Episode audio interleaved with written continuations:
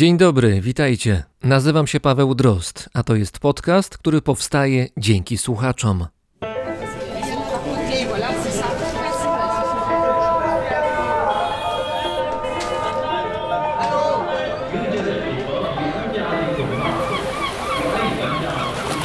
Brzmienie świata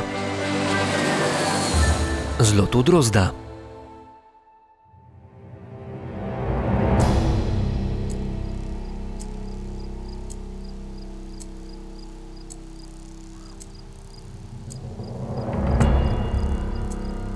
Na niebie nie ma ani jednej chmury i słońce bez przeszkód bombarduje energią ludzi na dole. Temperatura przekracza 37 stopni Celsjusza. Na pustyni Mojave w amerykańskim stanie Kalifornia zebrało się kilkadziesiąt osób, w tym przedstawiciele mediów. Czekają, mimo upału. Za chwilę rozpocznie się druga próba bicia rekordu prędkości w jeździe samochodem, który Amerykanie nazywają Rocket Funny Car. Chodzi o stworzony fabrycznie pojazd, który jest wybudowany tak, że napędza go silnik rakietowy. Dotychczasowy rekord prędkości na odcinku 1,4 mili wynosi ponad 400 km na godzinę i za chwilę ma być zmieniony. Był rok 1978. Centrum uwagi jest czarne auto marki Corvette. Główny mechanik Kai Michelson sprawdza jeszcze, czy pojazd jest przygotowany do drugiego tego dnia wysiłku. Mimo, że ma duże problemy z czytaniem i liczeniem, Michelson to wybitny specjalista od silników rakietowych. Jest dyslektykiem. Ówczesny system amerykańskiej edukacji nie umiał na to właściwie zareagować, ale Michelsonowi to nie przeszkodziło w budowaniu własnej kariery. W kabinie pojazdu siedzi już osoba, dla której na pustyni Mojave zebrali się ludzie. Ubrana w kombinezon ochronny, zakłada kask, a obsługa zamyka kabinę jej korwety. Pojazd dojeżdża powoli na punkt startu. Ludzie stoją w bezpiecznej odległości. Ruszyła.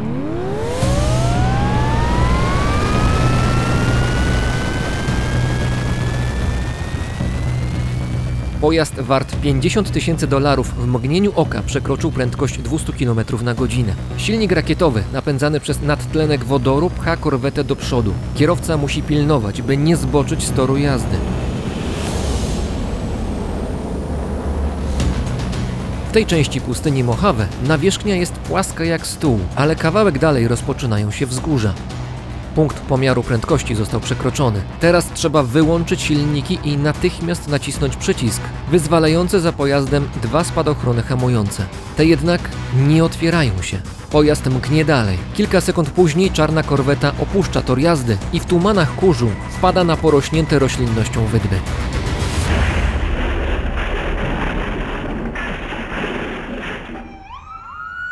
Na miejsce rusza pomoc. Wszyscy mają złe przeczucia. Wypadek przy prędkości 358 km na godzinę nie wróży nic dobrego. Okazuje się jednak, że kierowca wysiada z pojazdu o własnych siłach. Uśmiecha się. Rekord nie został pobity, ale i tak Kitty znowu zapisała się w historii motoryzacji.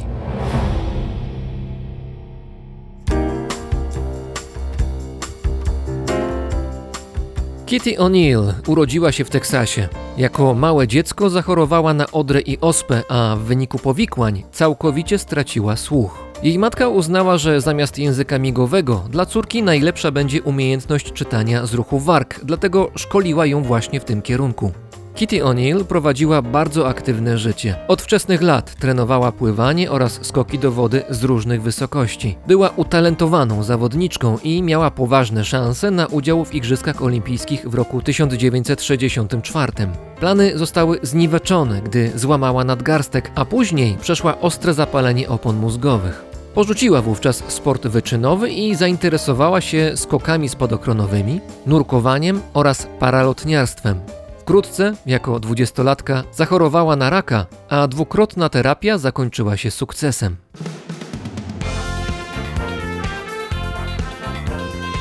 Zainteresowania i pasje Kitty O'Neill coraz bardziej koncentrowały się na wyczynie, ryzyku i prędkości. W latach 80. brała udział w wyścigach samochodowych, gdzie zdobywała pierwsze doświadczenia. Weszła też w środowisko kaskaderów filmowych, stając się jedną z pierwszych zawodowych kaskaderek w USA. Specjalizowała się w scenach wypadków samochodowych oraz upadków z dużych wysokości, a jej wyczyny można oglądać w kilku hollywoodzkich produkcjach, np. w filmie The Blues Brothers. Jeden z jej najbardziej znanych numerów został sfilmowany w ramach serialu Wonder Woman z 1979 roku. W jednej ze scen musiała spaść z wysokości 39 metrów na specjalnie przygotowaną platformę.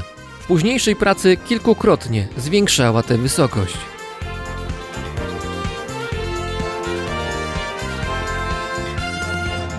Praca kaskaderki odbywała się równolegle do nowej pasji Kitty O'Neill. Były nią pojazdy z napędem rakietowym. W 1976 roku, kierując pojazdem o nazwie Motywator, osiągnęła na pustyni prędkość ponad 825 km na godzinę. Ustanowiła tym samym rekord świata kobiet, który został pobity dopiero 40 lat później.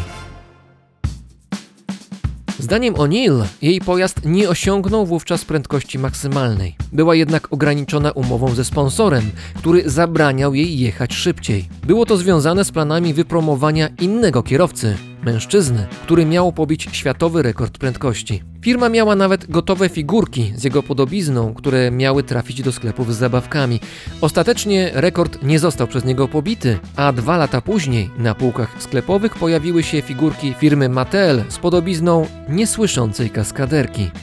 Kitty O'Neill wycofała się ze swoich ryzykownych pasji po śmiertelnych wypadkach na planach filmowych, których ofiarami byli jej koledzy. Zmarła w wieku 72 lat na zapalenie płuc. Do historii przeszła jako autorka kilkudziesięciu rekordów świata oraz osoba, która nie boi się prędkości. W tym odcinku usłyszycie opowieść innej kobiety. Będzie to opowieść jak najbardziej współczesna, która wciąż jest pisana przez życie.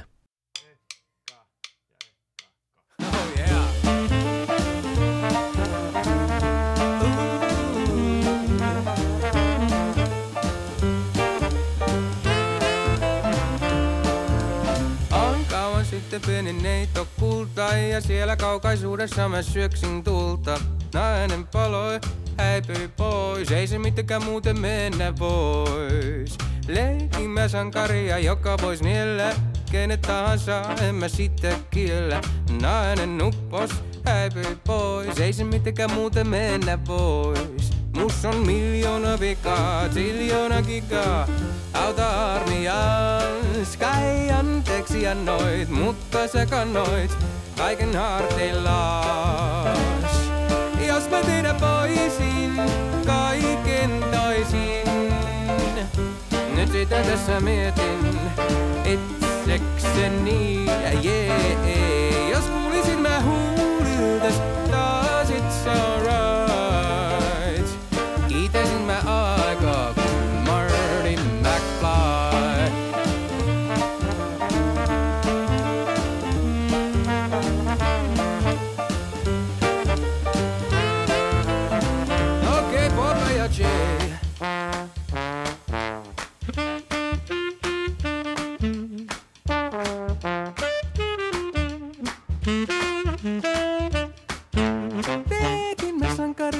Joka vois niellä.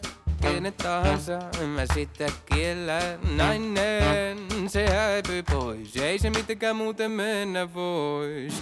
Mus on miljoona vikaa, triljoona gigaa. Auta armias, kai anteeksi annoit Mutta sä kannoit kaiken harteillas. Jos me tehdä voisin kaiken toisin tässä mietin itsekseni, yeah. Jos kuulisin mä huuliltas taas it's alright.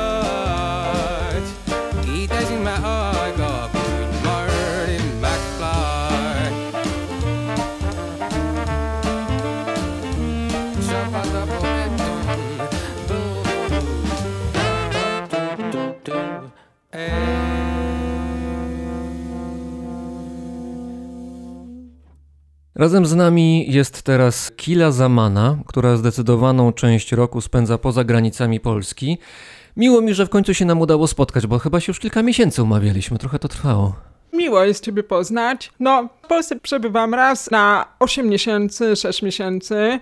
W sprawach, tak powiem, ziemskich, bo powolutku przenoszę się na pływanie dookoła świata, a ponieważ to jest powolny proces, to nie da się tak zostawić natychmiastowo od razu cały świat cywilizacji i e, odwiedzam Polskę po to, żeby powolutku wdrożyć, zamykać sprawy. No i przy okazji fajnie, że udało się nam się złapać na takie spotkanie.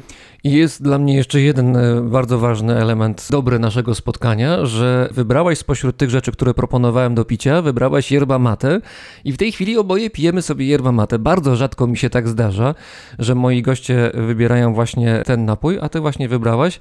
Natomiast wiem, że na jachcie pijasz inne napoje, które pomagają w pływaniu. Najpierw musimy cię trochę przedstawić. Właściwie przedstawić cię nie jest tak wcale łatwo. Pomyślałem, że najwięcej o tobie powie zdanie, które sama napisałaś nie tak dawno na swoim profilu na Instagramie. To zdanie, ono było po angielsku, ja je przetłumaczę. Dziwne doświadczenia są najlepszymi wspomnieniami. To jest y, takie zdanie, które wydaje mi się więcej mówi o tobie niż całe opisy, które mogłem teraz tutaj przez parę minut opowiadać, bo takich dziwnych doświadczeń, które teraz są najlepszymi wspomnieniami albo ciekawymi wspomnieniami, to już trochę na swoim koncie masz. Można powiedzieć, że właściwie wszystko zaczęło się 15 lat temu. I myślę, że nasi słuchacze trochę słyszą, że troszkę inaczej może mówisz. I to właśnie jest związane z tym, co się te 15 lat temu wydarzyło. A wydarzyło się coś wtedy, co było chyba jakimś rodzajem tragedii dla ciebie, to znaczy no, załamania nawet wręcz powiedziałbym życiowego. Tak, wyobraźcie sobie, że jako dziecko, znaczy wychowałam się podróży, ponieważ mój ojciec był kolarzem, więc urodziłam Cezary, Cezary Zamana, część słuchaczy na pewno kojarzy. Tak, tak. Bardzo w ciekawy sposób rozwijał karierę właśnie sportową za granicą, bo to różne kontrakty drużyny. Ja się wychowałam za granicą, a jednocześnie zmieniałam różne miejsca zamieszkania, więc naturalnie moja osobowość była zaadaptowana do takiego stylu życia, przemieszczania, podróży. Ciągle w drodze. Tak, a słabą stronę tego wszystkiego jest, nigdy nie miałam i do dzisiaj nie mam swojego podwórka. Czyli środowisko, gdzie buduję swoje więzi, korzenie, identyfikację albo przyjaciół i tak dalej. Więc zawsze byłam gdzieś tam w podróży, troszeczkę takiej samotności. I właśnie poczułam, że moim idealnym marzeniem byłoby zostać pilotem, bo uwielbiam latać, poruszać. Pilot em, też nie ma swojego jednego miejsca, cały czas jest, jest w ruchu. takim w ruchu, a jednocześnie takiej przestrzeni otwartej, taka zawsze przestrzeń. I to jest takie naturalne we mnie, to było takie mój wewnętrzne powołanie, taki call, ale jak miałam 15 lat, to po prostu straciłam słuch. I nikt nie wie dlaczego. Ja wiem, że każdy się pyta dlaczego, jak to się stało, ale na to nie ma odpowiedzi. Ale to było tak, że któregoś dnia się obudziłaś i nie słyszałaś, czy to nie, trwało nie, jakiś nie. czas? Dokładnie to wyglądało tak, że po prostu pierwszego dnia zaczęłam jakby gorzej słyszeć, ale mi się wydaje, że każdy z nas tak ma, że czasami gorzej słyszy, albo jest w gorszym nastroju, albo Mhm. po prostu nazwijmy takie ma nieczyste uszy, ale mogą być różne. Tak, Każdy z nas ma taki stan. No i ja sobie stwierdziłam, że to jest taki stan przejściowy, ale potem następnego dnia kolejnego i kolejny dzień i kolejny, to tak gorzej, gorzej, gorzej słyszałam. Zamiast tego to ja słyszałam takie dźwięki wyimaginowane, bo to jest naturalna reakcja organizmu, bo cały czas jest też, nasz mózg jest e, cały czas podany właśnie różnym bodźcom dźwiękowym. Coraz słabiej zaczęłam słyszeć, one zaczęły zanikać, on zaczął kreować te dźwięki. Czyli Więc- słyszałaś to, czego nie było. tak, czyli ja słyszałam rozmowy. Wydawało mi się, że ktoś rozmawia albo ktoś krzyczy i potem wołam moją mamę. Mamo, czy ktoś tam rozmawia? A mama mówi, że nikt tam nie rozmawia za tym pokojem. To ja nie wiem, co ja słyszę, bo słyszę dzwony, jakieś dziwne dźwięki. To było takie troszeczkę straszne, takie uczucie, bo nie wiesz skąd one są. Potem przestałam słyszeć. Ale w ogóle to znaczy zupełnie nic. Nic nie słyszałam, tylko słyszałam właśnie te wyimaginowane dźwięki. No i potem pojechaliśmy do lekarza. Okazało się, że faktycznie nie słyszę i straciłam słuch, no to zaczęły się rozmowy o wszczepieniu implantu. Jak się reaguje w takiej sytuacji? No się, ja wiem, że nie reaguje się na pewno entuzjazmem, bo tu nie ma się z czego cieszyć, to człowiek jest szokowany, bo Tak. nagle jest odarty, jakby wyciągnięty z tego świata, w którym żyje i jakoś się musi w tym odnaleźć, ale to nie jest takie proste. Tak, ja byłam w takiej konsternacji. Chyba bardziej mnie przerażało, dobra, i co dalej z tym? To jest inaczej, to nie jest jakiś szok duży, bo wszyscy czuliśmy się zmobilizowani do działania, do szukania opcji. Dobra, co dalej? Konkretnie. trzeba znaleźć jakieś rozwiązanie. A ja w tym czasie byłam w gimnazjum, no to gimnazjum jest takim okresem trudnym, bo taki wiek buntowniczy, Okres przełomu pomiędzy jeszcze nie dorosła osoba, ale już nie dziecko, tak? Gdzieś, gdzieś właśnie w Tak. zawieszeniu. Tak, i oczywiście w tym wszystkim to jest taki wiek, gdzie nie masz mentora, nie masz takiej mądrości życiowej, tak nazwijmy. No i y, ja musiałam się nastawić na szukanie rozwiązania. No to najbardziej dziwnym było dla mnie oswojenie dobra, będę cyborgiem. To było takie bardzo dziwne, bo implant, szczepienie implantu ślimakowego odbywa się, że wszczepia elektrody za uchem. I potem jest, no, aktywacja, tak powiem, mm, elektronicznego słuchu. To mnie tak naprawdę przerażało. Co to będzie jakieś obce ciało na, na mojej głowie? Operacja i to wszystko, te procedury. Bo to jest tak, że ten implant ślimakowy składa się z dwóch części. Jeden jest w środku, w- gdzieś y, no, w twojej Tak. głowie wszczepiony chirurgicznie, a druga część jest na zewnątrz. I ona odbiera bodźce akustyczne, zmienia je na bodźce elektroniczne. One potem są do ciebie, do twojego ucha wewnętrznego gdzieś tam głębiej przekazywane i interpretowane potem jakoś przez twój mózg. Ale to, to, tak, to, dokładnie. to nie jest takie, to nie jest proste, no bo człowiek jest tak zbudowany, że odbiera bodźce akustyczne, a nie elektroniczne. Potem jest po wszczepieniu implantu, jest potem taki trening konwersji, można, nazwijmy konwersją. Musisz na, nauczyć się czytać te dźwięki, które nie tak, są nowe dźwiękami. dźwięki, które są impulsem, to jest trochę jak reset w słuchu. Bo na początek, jak na przykład miałam aktywację implantu, bo jest operacja, potem jest dochodzenie, bo największym takim zagrożeniem też po operacji jest też, że organizm może odrzucić ten implant. I Bo to jest ciało obce. Tak, ciało obce, potem jest układ nerwowy się, tak powiem, rozsypuje i między innymi ja też to doświadczyłam. Problem Ale rozsypuje, to znaczy co masz na myśli? Ja bym tak powiedziała, że jest jak czasami jest taki protest. Protest w układzie nerwowym, bo to jest obce ciało i teraz po wielu latach, y, to teraz nie tylko na poziomie mentalnym, psychicznym albo cielesnym, ale też ciało ma swoje komórki, też przeżywa traumę, bo coś obcego się dzieje dla ciała. Jest pamięć cielesna tak zwana.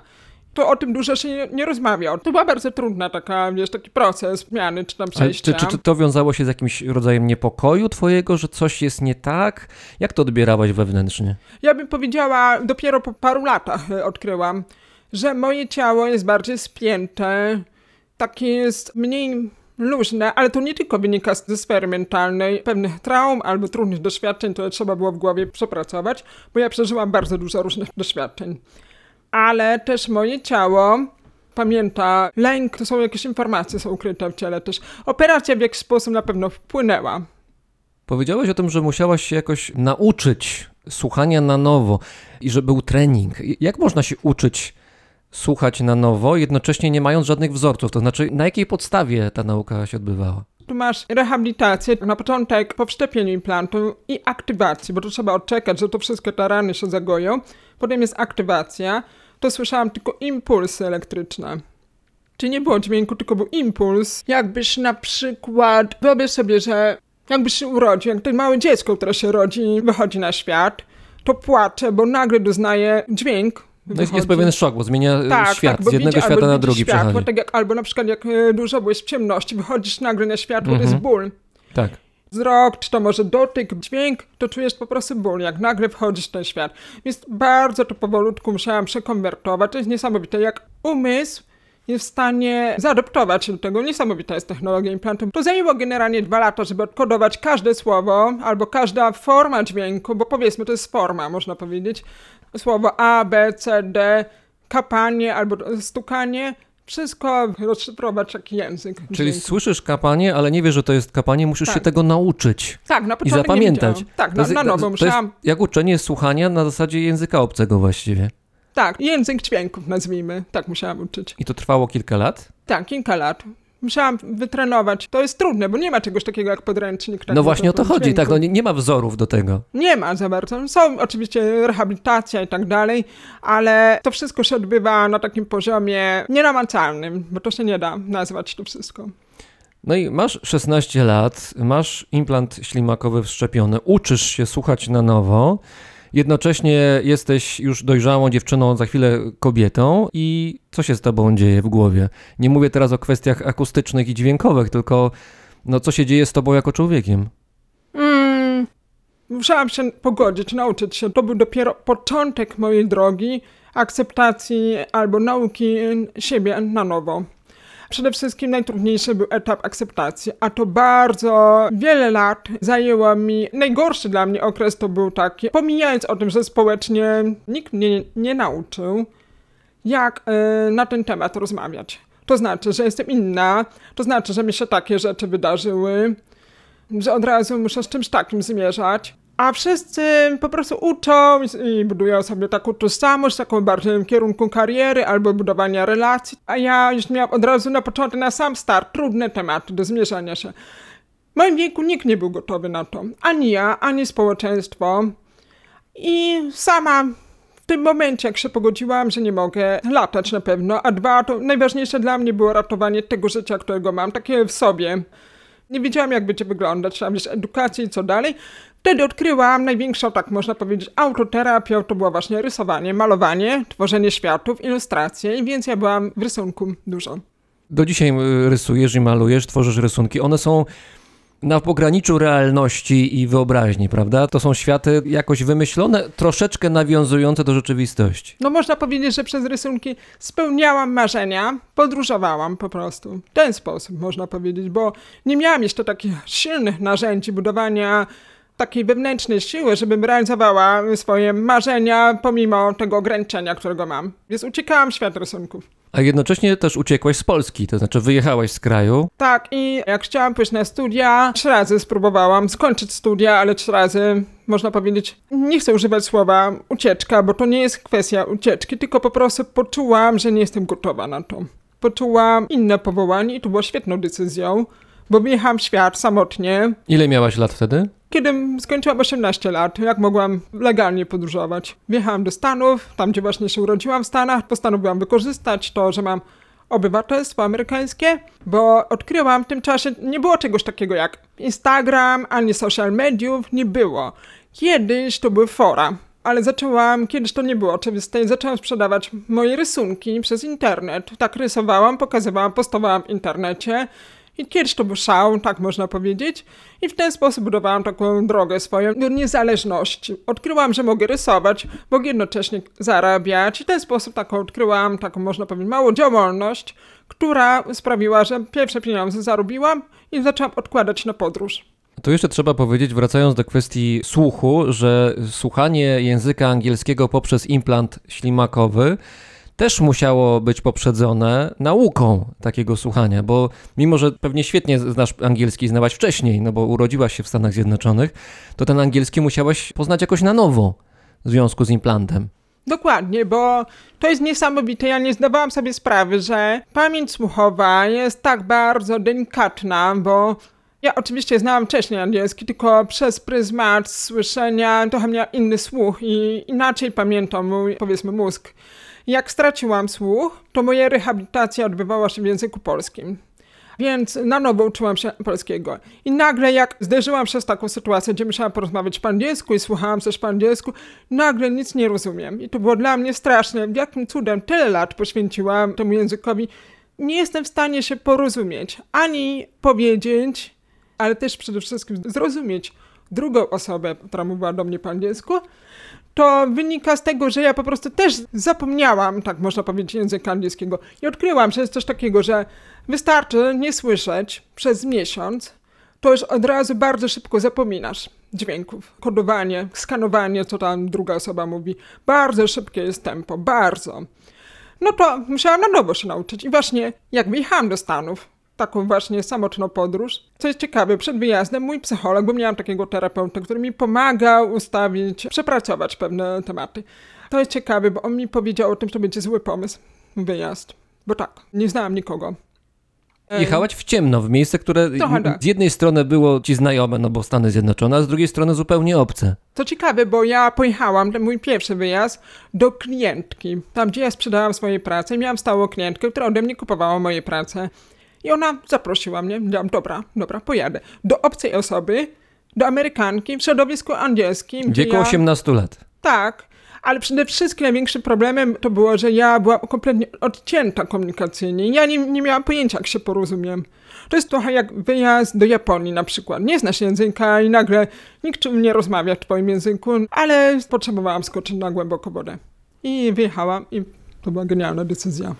Jeszcze powiedz proszę o tym, jakie są ograniczenia, jeżeli chodzi o implant słuchowy, no bo już wiemy o tym, że trzeba się języka nauczyć na nowo i sobie cały czas go przypominać, żeby go nie zapomnieć, z racji tego, jak implant ślimakowy działa, ale jeszcze jest inna kwestia taka, że nie wszystkie dźwięki są dla ciebie jakoś łatwe, są takie zestawy dźwięków, które są trudne, gdzie trudno je rozdzielić i odpowiednio zinterpretować. To, co normalnie w słuchu naturalnym mamy standardowo, po prostu słyszymy, ja, ja słyszę tutaj swój głos, słyszę siebie w słuchawkach, jak kot za chwilę tu gdzieś przyjdzie, to zamiałczę, to będę wiedział, że to jest kot, a w przypadku ciebie to jest troszkę inaczej. Tutaj są pewne niuanse i też trudności. Tak, znaczy na dzisiaj, na przykład na obecną chwilę, ja mi się wydaje, że ja bardzo dobrze słyszę, bo wytrenowałam jakby tym wszystkim. Ale po pierwsze, numer jeden powód jest taki, że ja słyszę na jedno ucho. Czyli jest zupełnie inny odbiór, kiedy na jedno ucho się słyszy. Na przykład ja nie słyszę dźwięku, znaczy inaczej, nie wiem skąd pochodzi ten dźwięk, nie jestem w stanie zlokalizować. Przestrzennie nie słyszysz tego, gdzie to się znajduje. przestrzeni. Mhm. A poza tym inna sprawa, to implant ma tylko 22 kanały dźwiękowe, a naturalny słuch ma około 1000 albo 1500, więc jest wielowymiarowość, bo właśnie to jest takie mylne określenie. Jest osoba głucha, niedosłysząca i tak dalej. Moje formalne określenie, jestem osobą z implantem, to znaczy, że ja inaczej słyszę, bo tak naprawdę y, pojęcie niedosłysząca to jest błędne, bo to nie jest tak, że ja nie dosłyszę, tylko słyszę. Oczywiście wszystkie dźwięki słyszę, ale inaczej, jakby dużo gorszej jakości po prostu. I na przykład przebieg dźwięku, informacji dźwięku mowy takiej mówionej, dużo wolniej dochodzi proces interpretacji, czy tam y, odbioru. Dużo wolniej po prostu przyswajam rozmowy, dźwięki dużo wolniej. W To wolniejszym znaczy- tempie. To znaczy, gdybyśmy teraz stali na ulicy i gdzieś jeszcze grałaby jakaś muzyka i byśmy prowadzili tę rozmowę, którą prowadzimy w tej chwili, byłoby ci trudniej. Tak, byłoby trudniej, bo większą atencję bym poświęciła otoczeniu, żeby się skoncentrować na tobie, skoncentrować się na oddzieleniu hałasu, a mową, więc ja się nie koncentruję wtedy na treści. Co mówisz? Wtedy się koncentruję, żeby zrozumieć, ale nie na treści. Dźwięk jest dla mnie po prostu koncentracją. To jest wysiłek cały czas nieustanny. Tak, taki wysiłek w jakiś sposób. A powiedz mi, jak już naszą rozmowę zakończymy i ona już będzie w formie podcastu, będziesz mogła tego posłuchać, jest szansa, że to jakąś przyjemność dla ciebie będzie miało z nagrania? Wiesz co, na szczęście, dzięki temu, że technologia implantu poszła bardzo do przodu, szczególnie ja mam tej ostatniej generacji, która powstała we współpracy z Applem.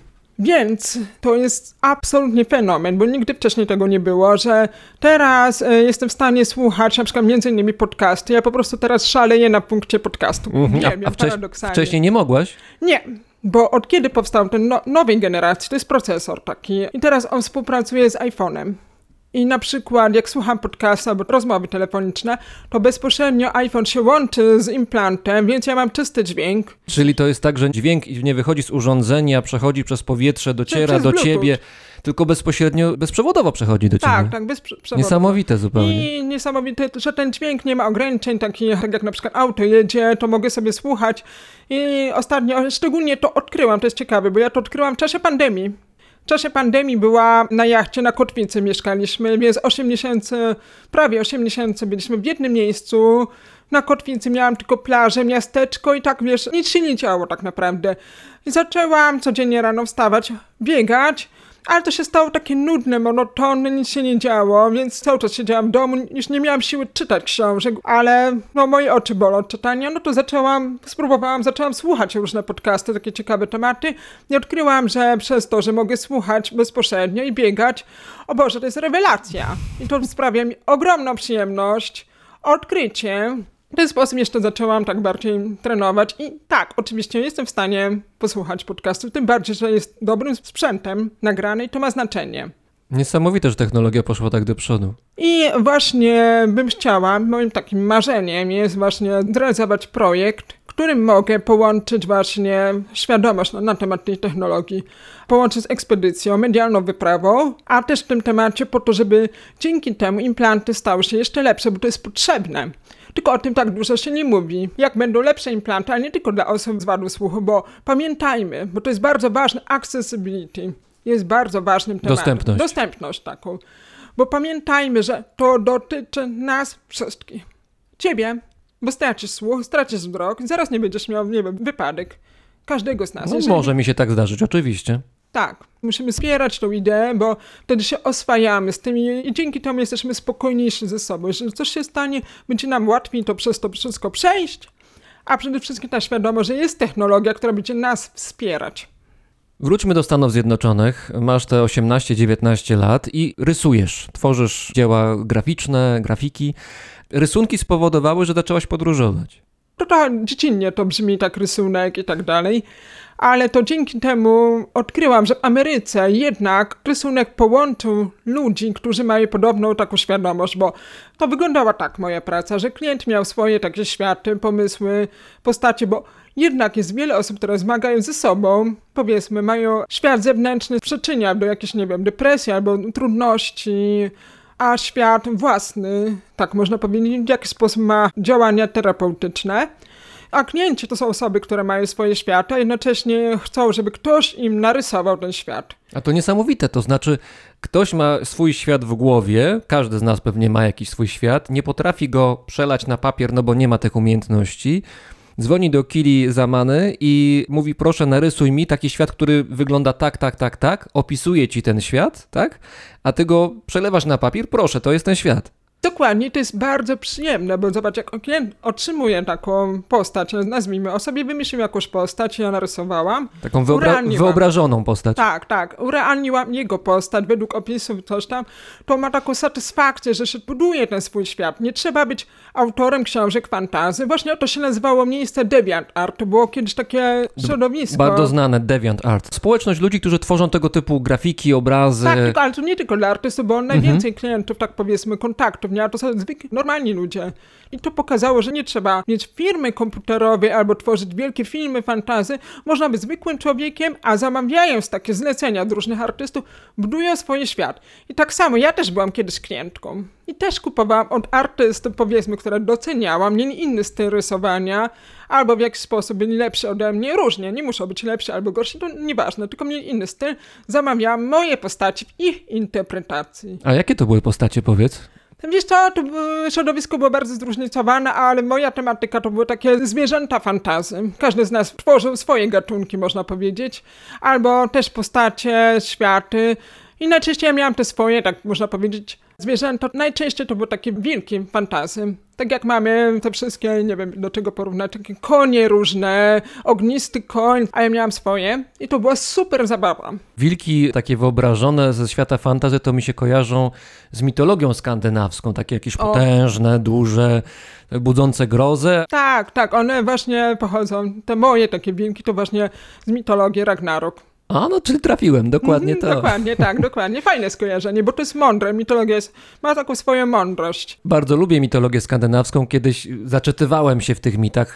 Moją ulubioną postacią jest Loki, co prawda wredny strasznie człowiek, znaczy człowiek, Bóg, przepraszam, ale bardzo ciekawa postać, jeżeli chodzi o osobowość, o to, co się z tą osobą dzieje, z tym Bogiem w ramach mitologii całej, bo się zmienia cały czas, raz w jedną, raz w drugą stronę. Bardzo ciekawe, bo tak powiem, taką dobrą rzecz, jaką wyniosłam ze szkoły. Mitologia właśnie. I moja ulubiona postać mitologiczna ze szkoły, jaką wyniosłam, to jest Feniks.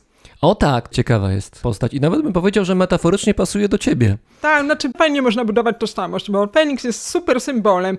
I zobacz, jak wpływa pozytywnie na wyobraźnię. Podróżowałaś dzięki rysunkom. To wszystko się wzięło, zawdzięczam bardzo dużo. Bardzo mieliśmy fajnego szefa, założyciela Deviant Art, Angelo Sotira. On jest super, bo on, jak na osobę, która ma wielką firmę, powiedzmy tam, budował to swoje imperium internetowe, on postanowił zrobić podróż dookoła świata, żeby spotkać się z ich fanami, tak, znaczy użytkownikami. Z użytkownikami DeviantArt. Tak, to się nazywało Dev Meetings, czyli wymyślił objazd dookoła świata i między innymi odwiedził Warszawę, informował i ta społeczność się spotykała. Ja uczestniczyłam na to spotkanie, bo mnie zaprosił. Ja byłam, powiedzmy, jak na tamte czasy, bardzo znaną artystką popularną, w sensie bardziej znaną, bo nie lubię słowa popularną. Ale byłam zauważona przez niego, zaprosił mnie na spotkanie i tutaj właśnie, między innymi na tym spotkaniu, odkryłam, że mam bardzo duży problem komunikacyjny po angielsku, bo zapomniałam. To spotkanie dla mnie, z mojej perspektywy, zakończyło się strasznym obciachem, tak można powiedzieć, wstydem, takim okropnym uczuciem, że kurczę, nie umiem, nie mogę z nim porozumieć, miałam pomysły, ale nie było komunikacji. No i właśnie przez te spotkania i to, że nie wyszło mi spotkanie, w jakiś sposób y, zostawiło mi inspirację, że chcę to ograniczenie. To było takim moim, nazwijmy to, były skrajne uczucia wstydu, porażki, ograniczenie. Chciałam to pokonać. Chciałam udowodnić, że jest inaczej, znaczy bardziej sobie niż innym, bardziej sobie. Że chcę to zmienić. I to był pierwszy krok do zmiany, bo zaczęłam od tego spotkania właśnie jeździć świat. Ja dałam pomysł, chcę wjechać do Ameryki, a klientka mówi, no dobra, zapraszam, pomieszkasz u mnie, zorganizujemy wspólnie. I ze sobą mam cztery takie spotkania po świecie. A w którym momencie zainteresowałaś się daleką północą? Oto w międzyczasie zaczęłam jeździć do Stanów, poznawałam tych klientów, wiadomo, zaczęłam rysować y, zwierzęta, zawsze były w moim życiu, zawsze się wychowywałam wśród zwierząt. Ale jedna dziewczyna w Stanach, przez to, że rysowałam wilki, potem naturalne wilki, tatuaże zaczęłam projektować. I ktoś mnie polecił, taka dziewczyna, która pracowała w sanktuarium wilków. Czyli takim schronisku, ale trochę bardziej, taki rodzaj parku specjalnego, Tak, gdzie wilki bardzo sobie mogą spokojnie żyć w swoim środowisku, ale jednocześnie można je oglądać. Nie każdy może odwiedzać, to jest takie bardziej było zamknięte, więc tylko zaufani ludzie przez kontakty. To było w Colorado, głęboko w górach.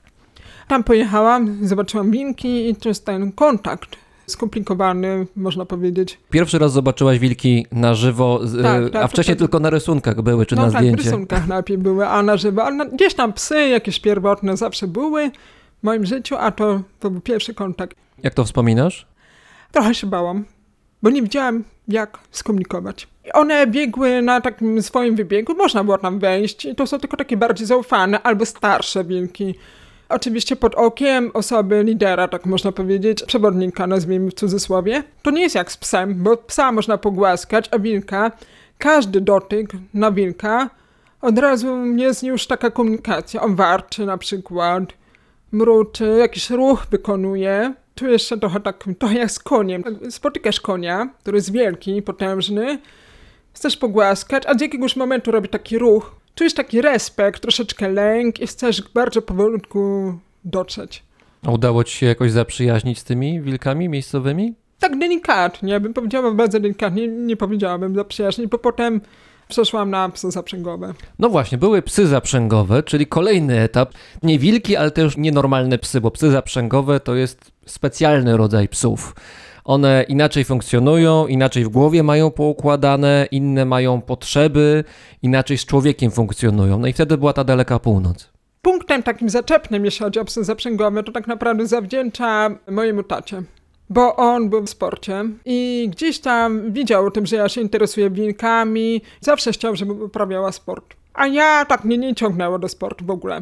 No to oznał takiego mistrza świata przy zaprzęgach Polaka, Andrzeja Wilczopolskiego, mentor, super człowiek. No to zaprosił mnie, żebym poznała psy zaprzęgowe. Bo to jest idealne połączenie sportu, ruchu i pracy z zwierzętami. I zobaczyłam psy, a te psy Andrzeja to były zupełnie inne. To nie były ani husky, ani malamuty, ani takie miksy, czy tam Alaskan husky, albo jakieś sportowe. Tak były pierwotne. Bardziej mi przypominały wilka w tym wszystkim. I te zachowania właśnie, bo to jest tak, że one były na stakeoutie, czyli taka linka metalowa i one były przywiązane, bo to było podczas zawodów do łańcuchu tam było sześć tych psów, tylko one miały tak powiedzmy, trochę były ze sobą, jednocześnie patrzyły na człowieka, były ciekawe poza życiem z- stadem. I to były psy grenlandzkie. I Ja nie wiedziałam, co to za w ogóle pies, pies grenlandzki. No i właśnie w tych psach się zakochałam, bo one są inne, autentyczne, prawdziwe i do dzisiaj są uznawane jako jedno z nielicznych ras na całym świecie, jako nie są niekształcone przez człowieka. I można je znaleźć takie prawdziwe, pierwotnej formie, które dalej współpracują na dalekiej północy z Inuitami, na wyprawach, poważnych ekspedycjach, bardzo poważnych wyprawach, to właśnie na Grenlandii, bo tam jest zakaz y, mieszania krwi. Miałem do czynienia z dwoma takimi psami w tym roku. U mojego dobrego kolegi, który z Grenlandią ma dużo wspólnego. Jak spotkałem te psy, podeszły do mnie, to miałem wrażenie, że to były same mięśnie pokryte sierścią. Jedna wielka moc wychodziła z nich, chociaż tak sobie chodziły jak takie łagodne w zachowaniu, ale widziałem, że gdyby im się coś nie spodobało, no to mogłoby wyglądać to różnie. Sprawiały wrażenie bardzo potężnych, takich bardzo silnych. No i zaczęłaś brać udział w zawodach? Czy to był tylko epizod? Czy to była jakaś większa pasja? Jak to było? Ja bym powiedziała, że ja nie wchodziłam za bardzo w zawody, bo nie lubiłam rywalizacji. Bardziej się interesowało mnie psy. Ta historia, geneza i wyprawy generalnie. Ten świat. Poznawałam przez psy świat dalekiej północy. One były pomostem, można powiedzieć, mostem komunikacji, gdzie ja jestem tutaj, a daleko taką nieznaną dla mnie północą, ta kultura, ta dzikość, Inuici, to wszystko mnie ciekawiło. W ten sposób zaczęłam się interesować Grenlandią, Alaską, tymi wielkimi wyprawami, tymi maszerami, którzy odbywają przez te ciężkie warunki, śnieżne warunki, tysiące mil. I to we mnie obudziło takie romantyczne takie marzenie do wypraw. Taka droga, poczucie drogi, która nadaje taki troszeczkę sens istnienia przez te przeszkody, które powstają na drodze. Troszkę jeździłaś po tych rejonach arktycznych, bo była północ Ameryki Północnej, była też Skandynawia, na Svalbaldzie chyba też byłaś, prawda? Tak, tak byłam. I zdaje się, że to tam miałaś okazję spotkać ludzi, którzy akurat z bardzo trudnymi wyprawami polarnymi na terenie Grenlandii mają do czynienia. Tutaj mam na myśli taką jednostkę specjalną duńską, która zajmuje się patrolowaniem Grenlandii, no bo Grenlandia jest terytorium należącym do Danii. Jednocześnie jest to Arktyka, gdzie sporo się w tej chwili szczególnie dzieje, no bo tam wiele krajów ma ochotę złapać tę Arktykę i się nią zaopiekować, bo tam jest ropa naftowa i nie wiadomo co jeszcze, więc trzeba pilnować. Duńczycy też pilnują i mają specjalnych ludzi do tego. Miałaś okazję ich poznać. To był Sirius Patrol, bo poczułam mocą tych ludzi, że po tym jak już tam odbyłam te swoje różne wyprawy, potem już zaczęłam za- zajmować się, ja bym nie powiedziała tak profesjonalnie, bo to nie jest jakby profesja jako na zarabianie, ale już miała bardzo dużo ekspertyzy, jeśli chodzi o psy grenlandzkie, linie, hodowlę i te wszystkie optymalizacje tej rasy, ale nie w kierunku zupełnie jako wystawy, absolutnie nie i też nie wyścigów, tylko zgodnie z, z naturalnym ich przeznaczeniem, czyli na te prawdziwe na Grenlandii. W ten sposób moja wiedza gdzieś rozeszła, po tak powiem, po znajomościach zapraszali mnie lokalni ludzie, którzy mieszkają na dalekiej północy. I tam się odnajdywałam, pracowałam, pomagałam im, troszeczkę uczyłam się północy właśnie u lokalnych ludzi. I tu był taki jeden człowiek sami, który miał swoje psy, no to siedziałam i tak po prostu żyłam z dnia na dzień na tej północy, no to on mnie zaprowadził do takich ludzi, którzy okazało się, że byli patrolerami, Sirius. To nie jest wojsko, tylko bardziej patrolerzy, rangers po angielsku. Ja słyszałam o tym Sirius, ale to dla mnie to było takie, wiesz, odległe, że to jest taka jednostka, taka nieosiągalna i tak dalej. Ale ich poznałam. No, rozmawialiśmy wszyscy, a później opowiadałam o psach, że ja mam takie psy grenlandzkie. Oczywiście pomagałam w zdobywaniu najlepszych linii i tak dalej. A to, co tak przykuło ich uwagę, że rysowałam wilki. Tak można powiedzieć. Czyli znowu rysunki. Tak, czyli rysunki wróciły do tego. I on powiedział tak, chciałbym zamówić u ciebie tatuaż. Ja powiedziałam, dobra, ale formą zapłaty niech będzie informacje.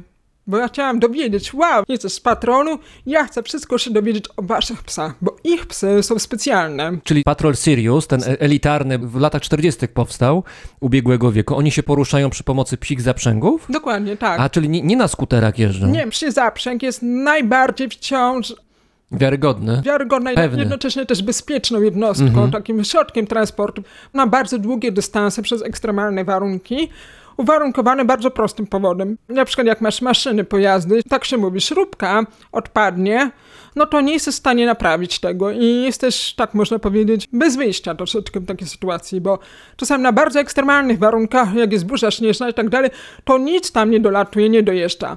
A przy zaprzęg, jeżeli jeden pies jest zraniony, to masz resztę psów.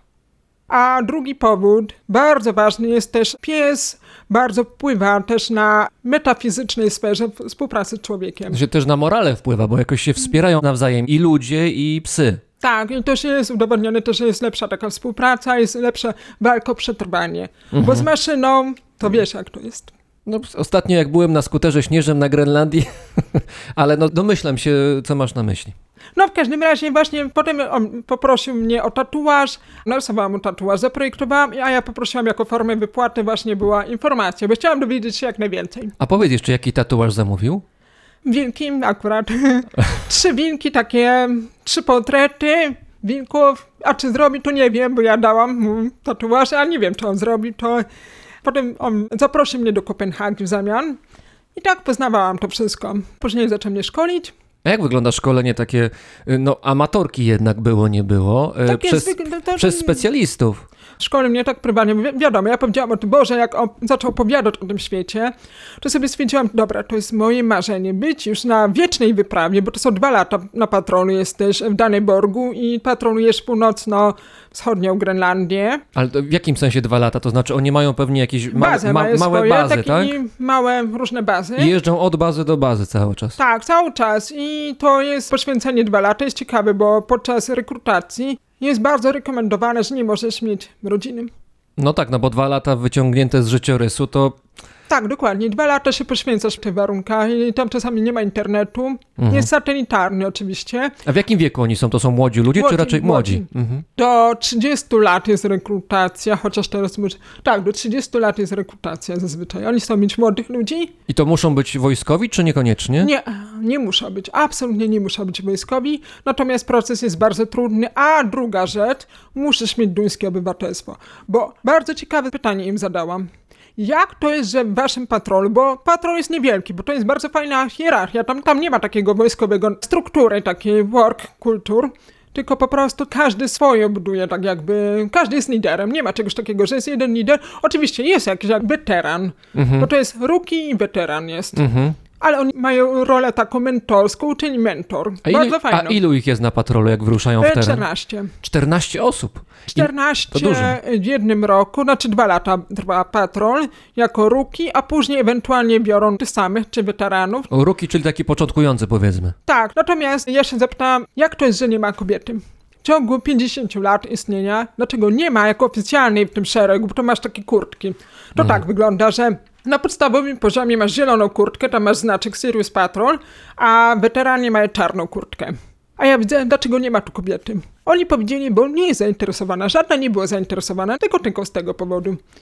A ja powiedziałam, aha, a to może ja jestem zainteresowana, bo życie na wyprawie, w naturze, z daleka od cywilizacji, bo świetnie sobie radzę ekstremalnymi warunkami, z psami, relacje, to wszystko. A powiedzieli, no ale nie masz wnuskiego obywatelstwa. No ale co, no to gdzieś tam zrobiliśmy jakąś wyprawę, zrobiliśmy projekt wyprawy, bo ja zaoferowałam im, że ja sprowadzę dobre psy. A wyszło, jak wyszło. To znaczy? No, wyszło na to, że nie jestem już w żadnym kontakcie z nimi i no widać, że teraz żegluję zamiast tych polarnych wypraw. Byliśmy, realizowaliśmy projekt wyprawy, to był bardzo powolny proces. Natomiast był jeden kluczowy problem tego wszystkiego. Rzeczywiście jest coś takiego jak dogmat. Ta 50 lat historii to byli mężczyźni. I rzeczywiście to, co się mówi o tym, że kobieta w tak zwanym środowisku męskim mimo wszystko jest problemem. Ale to tylko wynika na poziomie, można powiedzieć, przekonań, przyzwyczajeń i tak dalej. Ja jestem osobą niebinarną, czyli ja nie widzę płci. W ogóle widzę, że jestem człowiekiem, nie widzę takich rzeczy. Ale oni, kiedyś taki maszer od przy taki mentor mi powiedział od przy bardzo fajną rzecz. Najlepszy przy to składa się z samców. Bo jeżeli wprowadzisz sukę, no to gdzieś ten zaprzęg się burzy harmonia.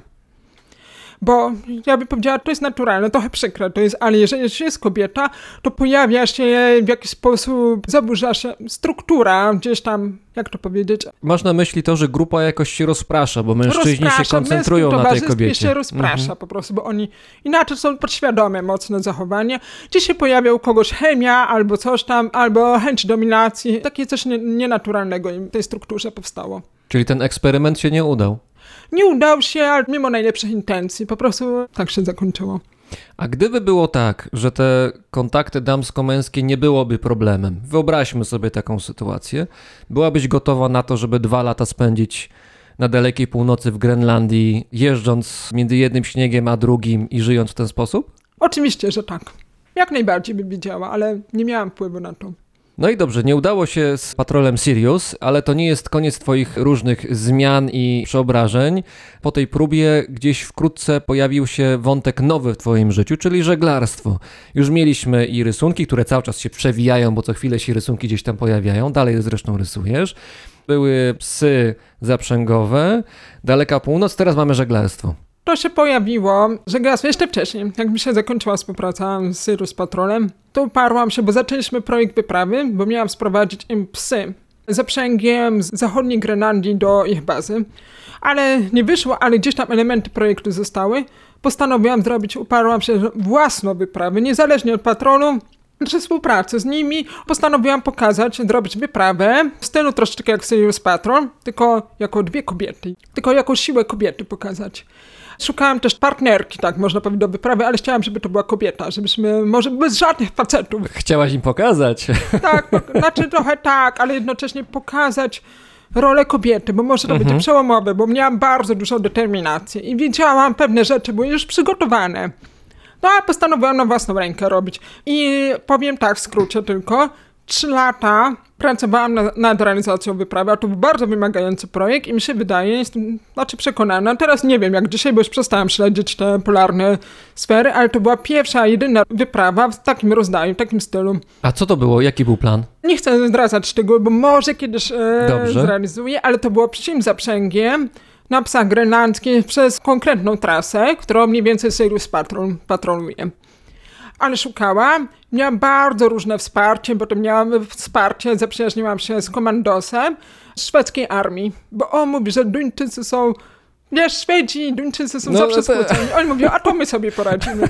Miałam wsparcie, jednocześnie coś, to były takie relacje partnerskie, współprace przychodziły i odchodziły, przychodziły, odchodziły. A powiedz, a ten komandos cię szkolił? Generalnie przygotowywał ludzi do misji zimowych, tak można powiedzieć. To To, to zazdroszczę, zwykły. zazdroszczę, bo Skandynawowie, Szwedzi i Norwedzy to są naprawdę, są mistrzami, jeżeli chodzi o, Finowie zresztą, tak samo. Są mistrzami, jeżeli chodzi o umiejętność radzenia sobie Tak, taki e, outdoor, zimnie. Tak, tak, tak.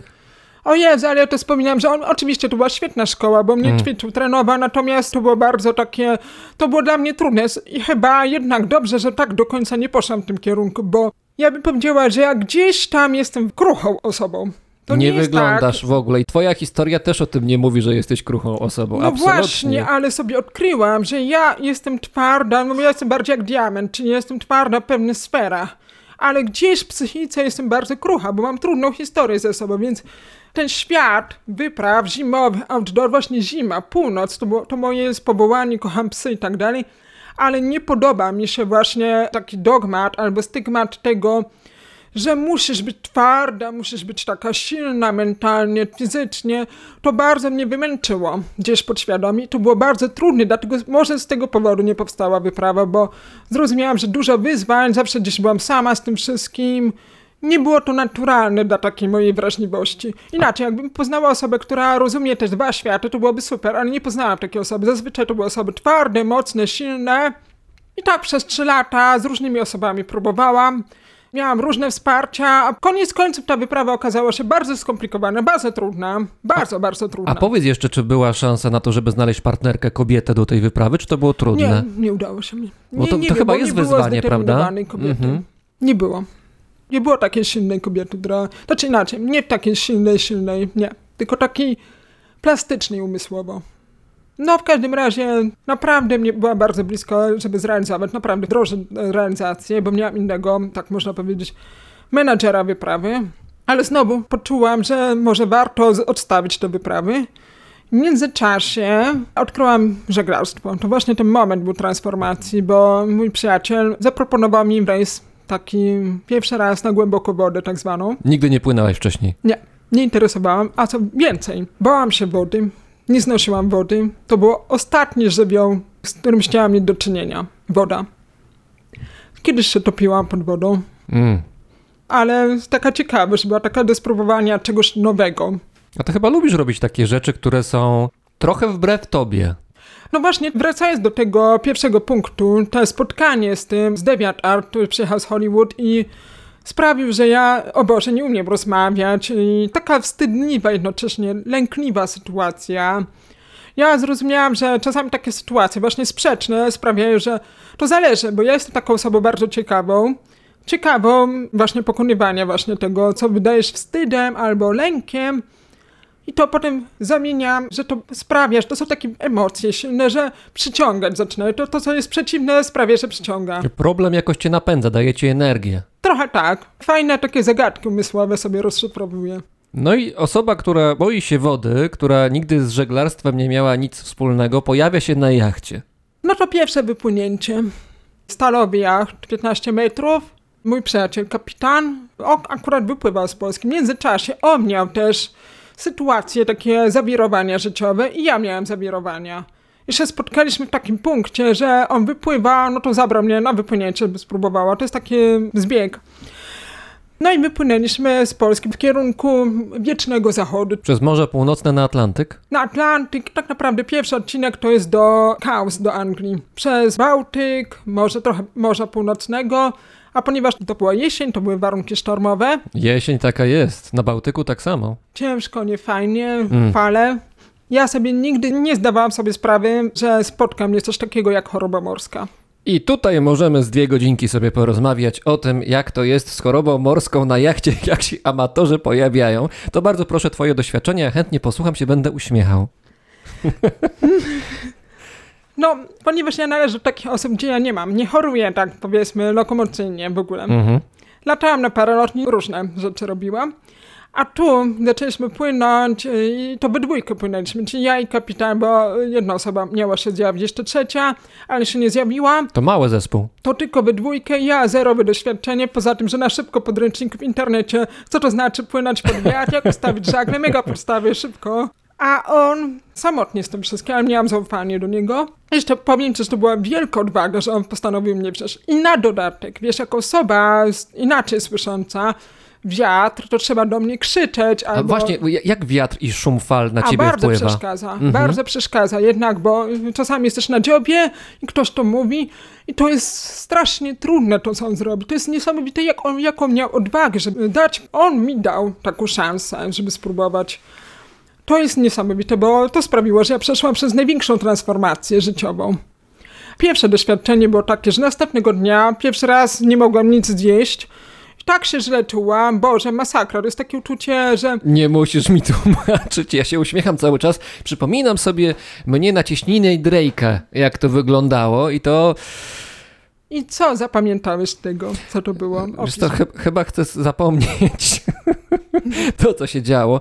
Pamiętam szczególnie powrót, jak wracaliśmy z wybrzeży Antarktydy, chyba 10 w skali Beauforta, 9-10 było, także nie, chłopacy z Selmy Expeditions, bo płynęliśmy Selmą, mówili, że dobry wiatr jest, jeszcze nie jest, jeszcze nie jest źle. Ja potem ich pytałem właśnie, czy, czy to jest źle, że tak wiało, czy było dobrze, czy to już był problem? Nie, jaki problem, to fajnie wiało, fajnie sobie się płynie, także idealnie dla nich było. Natomiast ja w koi skakałem jak piłeczka. Kolega y, zrobił takie porównanie, ono nie jest szczególnie poetyckie, ale jest adekwatne, jakby ktoś wsadził mnie do pralki. A, Na no. takich wolny obrót. To się tak obracam i spadam i się znowu się podnoszę i obracam i spadam i tak cały czas. I to nie kilka godzin, tylko kilka dni. I to jest niezwykle trudne do przeżycia, szczególnie jak trzeba jeszcze pracować. Czasami jakąś y, rzecz wykonać, no albo jakieś obowiązki są na jachcie. Przecież na, na jachcie są obowiązki cały czas. Czasami coś trzeba ugotować, trzeba mieć wachtę. Coś się tam dzieje, no świat się nie zatrzymuje, bo ty masz chorobę morską. Świat się dalej toczy. Więc doskonale rozumiem twoje doświadczenie. Ja bym powiedziała, że bardzo fajnie nazwałeś. Wtedy nie widziałeś, jak nie miałeś punktu odniesienia. Tak samo ja też nie miałam. To było takie problematyczne, czy to jest na przykład mniej 40 węzłów, czy to jest dużo, mało, czy nie, nie dużo, czy takie uderzenie jachtu, to jest bardzo niebezpieczne, czy nie. Tak. To jest okropne, taki Tak, lęk. tak, tak, tak. Znaczy, nie, nie wiesz, jak interpretować to, co się dzieje dookoła ciebie.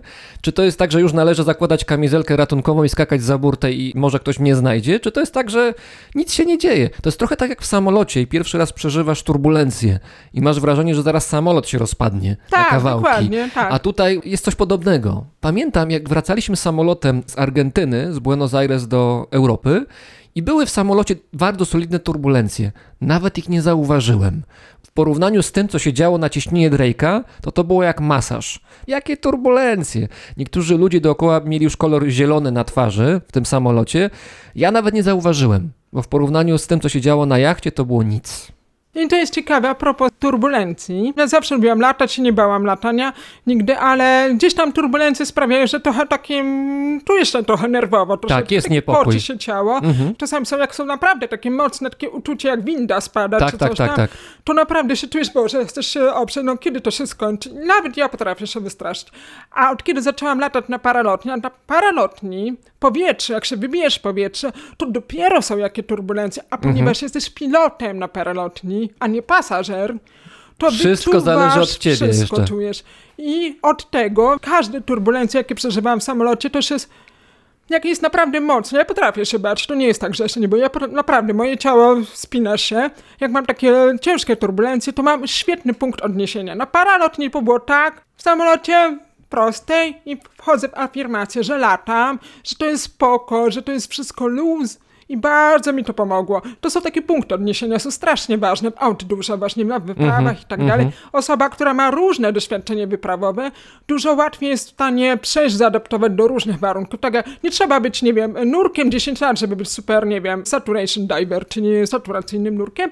Ważne jest nurkowe doświadczenie, jak ktoś ma zróżnicowane, to jest bardzo elastyczny, łatwo jest w stanie zaadoptować. Stąd dlatego mój przyjaciel zaufał mi na jacht, bo ja miałam już wcześniej te doświadczenia różne, outdoorowe czy tam ekstremalne, to mi jest dużo szybciej im zaadoptować. I stąd właśnie ta wyprawa, tak naprawdę ta pierwsza przygoda we dwójkę, ja, choroba morska i ten sztorm, bo to wiesz, można łatwo bardzo popaść w panikę, jak nie... Oczywiście. Poza tym on mnie poznawał dopiero na tym jachcie. To jest spore ryzyko, bo jakby się wzięło osobę obcą, to nie wiesz, co się wydarzy w głowie. Może się wszystko wydarzyć.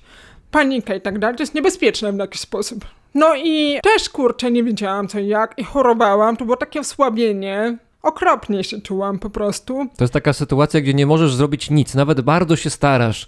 Chciałabyś coś zrobić, no masz poczucie obowiązku, że trzeba coś, jakąś pracę wykonać, nie da się. Tego się nie da przeskoczyć. Tak, i taka desperacja, że chcesz już wyjść na ląd. Ja pamiętam taką desperację.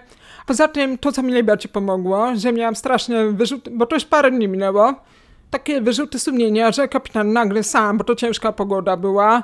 I kolejny, to co wydawało się straszne na, na tym jachcie, że inaczej czas płynie. Dużo wolniej. Kurczę, dopiero tyle mil, bo jak patrzysz na mapę morską, no to tu, tu, tu już będziesz na miejscu, tak? A to wszystko tak powolutku przesuwa. No i potem kapitan taki był zmęczony, bo on cały czas czuwał, tylko on, tylko on, a ja chorowałam. Jak długo to trwało? To akurat były trzy doby. A ja zmusiłam się, kurczę, muszę, muszę jemu pomóc. No to on mi tłumaczy, co to jest autopilot, co to jest pilnować kursu, jakie przeszkody patrzymy. Zaczęłam przyjmować wachty. Sama, bo on spał, już był nieprzytomny, bo spał, a ja już sama, kurczę, nic nie wiem, ale jakoś mi to idzie, tak powolutku, że to jakoś idzie. Strach, satysfakcja, strach, satysfakcja, odpowiedzialność, prowadzenie takiej maszyny, odpowiedzialność za mnie, za jego, za jacht, to sprawiło, że zakochałam się w żeglowaniu. A było takie ryzyko, że już nigdy nie wsiądziesz na jacht? Że, że to nie jest twoja bajka? Myślę, że nieraz, nawet niedawno było coś takiego, że Tak? Tak? Po takim czasie już? wymęczyć potrafi, jakby Aha. to jest atencja straszna, ale jednocześnie za każdym razem, kiedy wysiadam, to jest ulga, a z drugiej strony już nie mogę, już muszę wrócić na ten jacht. Niedawno płynęliście przez kanał kaledoński. Widziałem u ciebie na Instagramie. Nie wiedziałem, że w ogóle taki kanał istnieje. Ja też nie. To jest, wygląda bardzo ciekawie. A powiem ci, że po czterech latach, bo już teraz pływam, ja bardzo szybko rozwinęłam żeglarstwo, już takie oceaniczne, bardzo porządne i e, już idę w takim, można powiedzieć, bardzo ambitnych kierunkach. Ale kanał kaledoński to pierwszy raz mogę powiedzieć, że było jedno z ciekawszych doświadczeń żeglarskich. Powiedz o tym, bo to przez Szkocję, gdzie to jest dokładnie? Kanał kaledoński przecina centralną Szkocję, całą Szkocję można powiedzieć, i przez góry, Highlands, to jest tak abstrakcyjnie. Ja nie miałam wyobrażenia, co to jest kanał, bo ja tak pływałam oceaniczne, różne miejsca, fiordy, nie fiordy, wyspy, wyspy, a kanał, ja wcześniej miałam doświadczenie z kanałem kilońskim, a kaledoński to wspinasz się w góry. Bardzo się dużo działo, że to jest Dwa, trzy dni możesz przepłynąć przez kanał, ale jest taka rada, żeby powolutku konsumować to doświadczenie. To jest tak, że to jest taki trochę jak labirynt różnych przeszkód, czyli wjeżdżasz w jachtę, wpływasz i masz takie locks. Śluzy i na śluzach masz dużo się dzieje, bo to jest tak, że to jest około 29 śluz.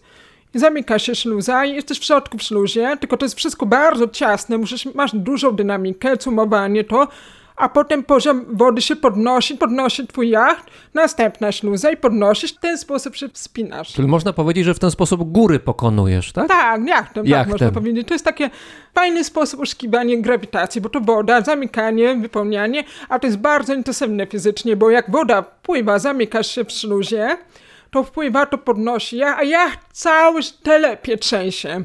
We dwójkę to robiliśmy, więc musieliśmy we dwójkę manewrować tym wszystkim. A jeszcze są inne łódki, w ciasnym basenie się dzieje. A największym stresem, a jednocześnie atrakcją byli ludzie, turyści. bo każda śluza jest w takim fajnym, uroczym miasteczku. Zbierali się turyści, filmowali nas, pewnie gdzieś tam przewinęliśmy się na Instagramy różne, Mhm. a tu utracenie manewrowości jest bardzo łatwo. Więc jesteś pod stałą presją. Czyli z jednej strony atrakcja, z drugiej strony stres i być obserwowaną cały czas. Nie jesteś obserwowany, ale potem jak już pokonasz te śluzy, potem są mosty, te, te różne, jak otwierają się, komunikujesz się cały czas, ale to jest takie fajne uczucie, bo dużo się dzieje w tym doświadczeniu. No i potem masz takie małe, urocze porty, potem góry, zwierzęta, dużo bażantów, to już tak dużo dzieje, a potem masz takie bardzo wąskie, jak dżungli, taki kanalik, tym dużym jachtem oceanicznym, bo to jest oceaniczne, to jest bardzo abstrakcyjne, masz drzewa, i drzewa tak dotykają ten jacht, to jest takie dziwne doświadczenie. Żeglarze mają takie sny, albo osoby, które żeglowały, mają takie często takie sny, że jachtem płyną przez miasto. Tak? To ciekawe. Bardzo ciekawe, bo ja mam takie sny i mi się wydaje, że te osoby, które też pływały przez miasto, przez lasy. Ale to się płynie, płynie się ulicami, czy... Nie wiem, nie wiem, nie, nie wiem. Ale się płynie, no kurczę, no. Fajne. Fajne, no i to taki jest właśnie ten kanał. Taki punkt odniesienia dla osób, które nigdy nie pływały, to na oceanie albo między wyspami to masz, jesteś cały czas otoczony tą otwartą przestrzenią morską. A tu nagle takie skompresowaną przestrzenią jest kanał. Super. Ten kanał prowadzi mniej więcej na tę część Szkocji, która wychodzi na Wyspy Owcze, a z drugiej strony są hybrydy wewnętrzne, prawda? Tak, z tak. zachodu. I to, I to najpiękniejsze obszary w Szkocji. O hybrydach wewnętrznych i zewnętrznych jeden odcinek podcastu u mnie był. Chociaż tam nie było o, o jachtach i o morzach, tylko o ciężarówce. Aha. To ciekawe, bo moim zdaniem Szkocja ładna, a jednocześnie nie zrobiła takiego super wrażenia, bo klimat, ludzie, oczywiście piękne. Mi Szkocja mi przypomina trochę jak Tatry, takie jesienią troszeczkę. Nie Tatry jako góry, tylko w okolicach Tatry, co mi bardzo przypomina, ale mi się wydaje, że najlepsze wrażenie, jeśli chodzi o takie doświadczenia podróżnicze, to wyspy Atlantyku, typu jak Wyspy Owcze albo Azorskie. Krajobraz i przede wszystkim ludzie, społeczność. Mogłabyś zostać na morzu, teraz jakbym ci powiedział, że do końca życia będziesz pływać i będziesz żeglarką. Czy to byłoby dla ciebie dobre rozwiązanie? Chciałabyś y, w ten sposób spędzić życie? Czy to jest tak, że były psy za- zaprzęgowe, teraz jest żeglarstwo, za chwilę będzie, nie wiem, loty w kosmos, coś się dalej będzie działo? Czy to jest tak, że to już jest to miejsce, na którym ci zależy w życiu, czy dalej będziesz szukać? Wiesz co, zadałeś mi bardzo trudne pytanie. To jest ten moment, w którym obecnie jestem. Czyli masz znak zapytania w głowie w tej chwili. Tak, i szukam odpowiedzi, bo wewnętrznie ja bym bardzo chciała już zostać w żeglarstwie. Już nie chcę, znaczy super były te transformacje, bo to pokazuje, jak życie się zmienia. No cały czas się zmieniasz. Tak, zmieniam się ja, życie i też wydarzenia życiowe, bo ja odkryłam, że błędne przekonanie jest takie, że słuchaj, ziomek, znajdziesz swoje miejsce w życiu. Zrealizujesz cel, a przede wszystkim znajdziesz swoje miejsce w swoim życiu.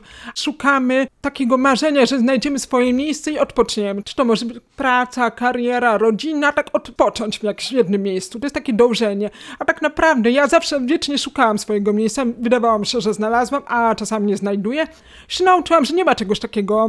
Trzeba wywalić to taką presję To wewnętrzną. znaczy chodzi ci o to, że, że nie ma finału, nie ma jakiegoś Nie ma końca. finału, ale lepiej jest, lepsze jest podejście, że cały czas jesteśmy w ruchu. Nie szukamy swojego stałego miejsca, tylko cały czas jesteśmy w ruchu. To, co będzie, będę budować, a jak nie będzie, to to puszczam po prostu. Takiego odpuszczenia troszeczkę sztuka. Więc chciałabym zostać na tym jachcie. Nie chcę już tak przechodzić przez wiele różnych dróg, transformacji, super doświadczenie, ale bym chciała, ale jeszcze na to pytanie muszę odpowiedzieć, znaleźć tę odpowiedź, bo to nie jest łatwe.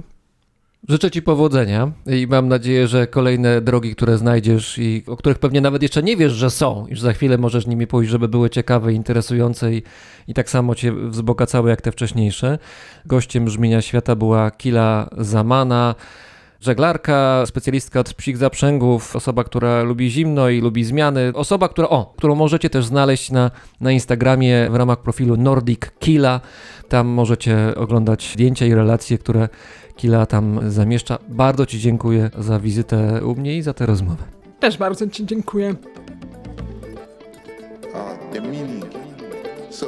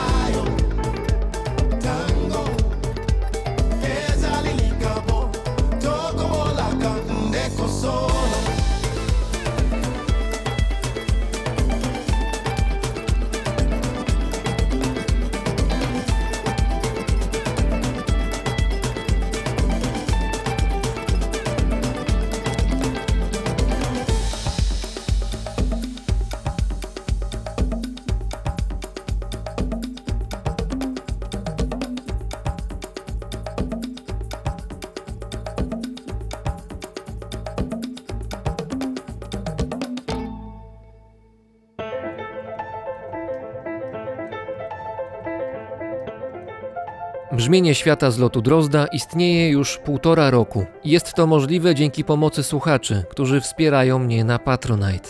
Bardzo Wam za tę pomoc dziękuję. Dziękuję też pierwszemu patronowi Brzmienia Świata, który, zgodnie z moją obietnicą z Patronite, otrzymuje ode mnie tytuł patrona Światoczułego. Firma Ergo Ubezpieczenia Podróży. Ponad 100 lat doświadczenia w dbaniu o bezpieczeństwo podczas wyjazdów za granicę. Słyszymy się za tydzień, jak zwykle w sobotę rano. Do tego czasu polecam serdecznie profile Brzmienia Świata na Facebooku i Instagramie.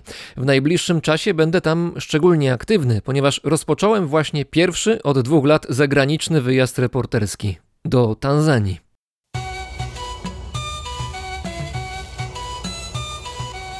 Paweł Drost, czyli ja, mówi Wam dobrego dnia.